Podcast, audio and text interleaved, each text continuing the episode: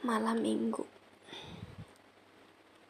Pertanyaannya Apakah semua orang menikmati malam minggu?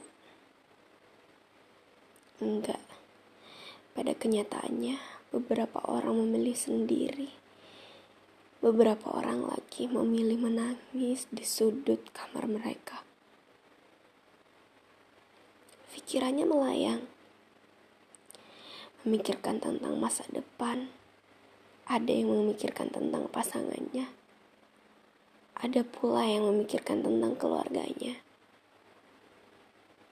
Ya, setiap orang berbeda. Setiap malam minggu punya kisah. Dan kisahku di malam minggu kali ini, aku sangat terpuruk. Aku memikirkan masa depanku yang di dalamnya ada cinta yang terselip.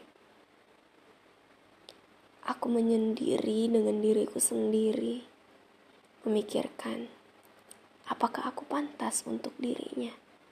Apakah apakah masa depanku sama dengan masa depannya? Apakah mungkin kita akan bersama? Sedang jarak sedang ada di antara kita. Sedang kita berdua tidak tahu apakah kita bisa saling mencintai dengan baik. Bisa jadi jarak membuat kita saling menyakiti. Dan ya, aku sangat terpuruk dengan jarak. Jarak membuatku lebih banyak waktu untuk memikirkannya. Lebih banyak waktu untuk mengkhawatirkannya. Sedang aku tak bisa melihatnya.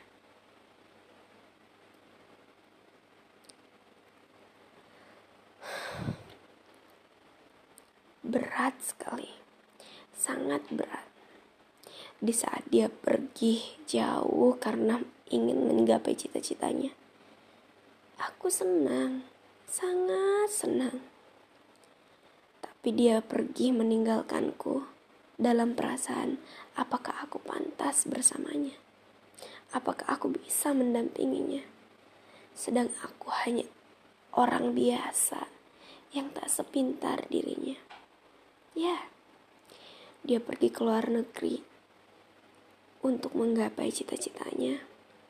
Sedang aku, aku hanya gadis biasa yang teramat mencintainya. Aku tak tahu kapan waktu akan berbalik kepadaku. Aku juga tidak tahu apakah dia nanti masih akan tetap memilihku. Sedang aku masih ada di tempat yang dulu. Ini menyiksaku. Setiap malam mingguku tak pernah lagi bahagia semenjak dia pergi. Aku sangat merindukannya. Tapi hatiku, pikiranku selalu bertanya-tanya. Apa mungkin aku bisa mengejarnya kembali? Atau apa mungkin dia bisa berbalik kepadaku kembali? Aku tidak tahu. Yang ku tahu, aku sangat mencintainya. Yang ku tahu, aku begitu menginginkannya. Yang ku tahu, cintaku tulus untuknya. I love you. I love you so much. I miss you.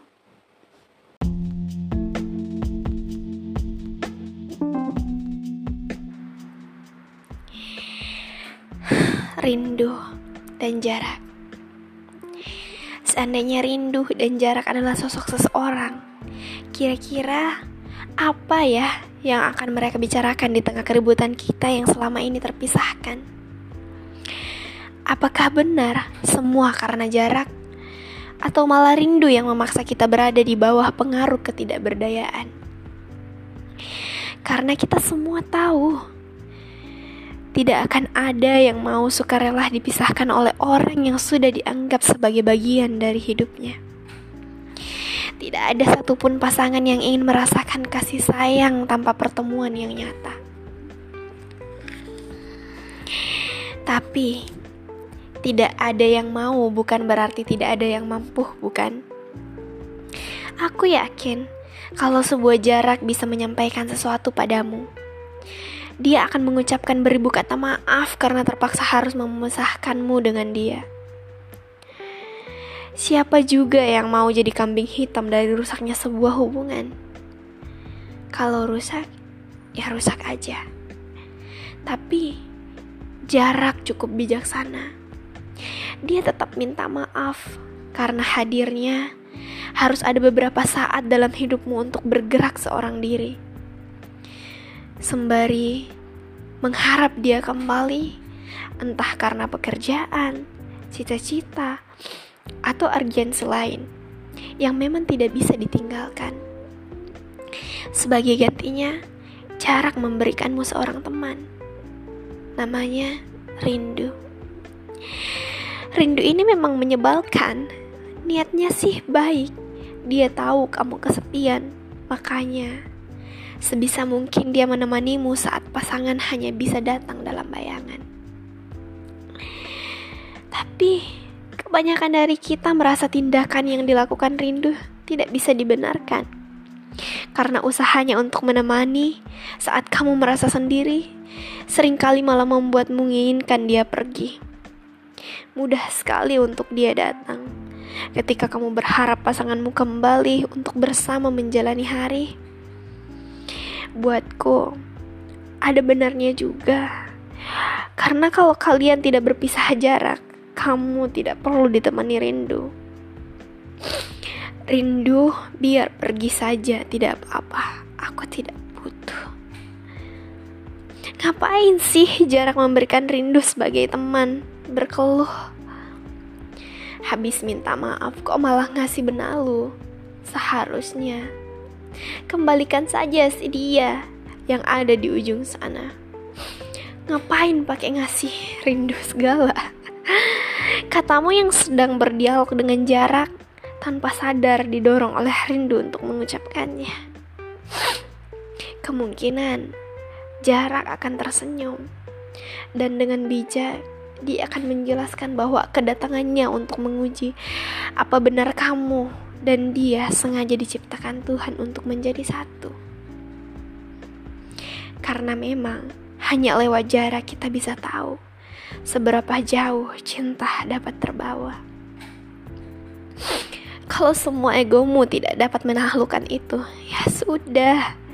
Berarti memang kalian seharusnya tak menjadi satu tetaplah terpisah dan berbahagialah dengan yang dekat-dekat saja. Tapi kalau suatu saat nanti menyesal, terimalah dengan lapang dada.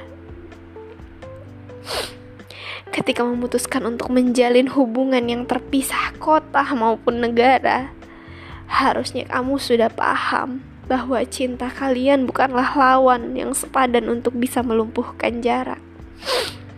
Kalau memang di antara kalian ada yang tidak yakin, mungkin memang ada baiknya disudahi saja, biar kesedihan ini tidak berlarut-larut jadinya.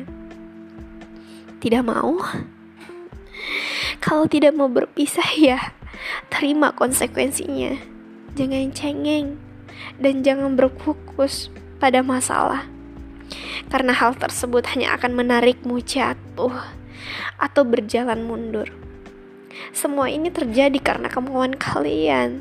Tapi situasi yang biasanya tetapi situasi yang biasanya memaksa. Lagian bukan hanya kamu yang sedang berjuang, dia pun sama. Kalau sadar betul, kalau sadar begitu, kan bisa lebih enak melangkah bersama. Belajarlah untuk mengerti bahwa semua ini bisa dilalui, asalkan hubungan ini mampu berkembang jadi lebih baik dan lebih baik lagi dari sebelumnya. Kalau memang hanya berkutat dengan jarak yang sedang dianggap jadi masalah, ya hubungan kalian cuma akan bertemu pertikaian-pertikaian yang sama dan berulang.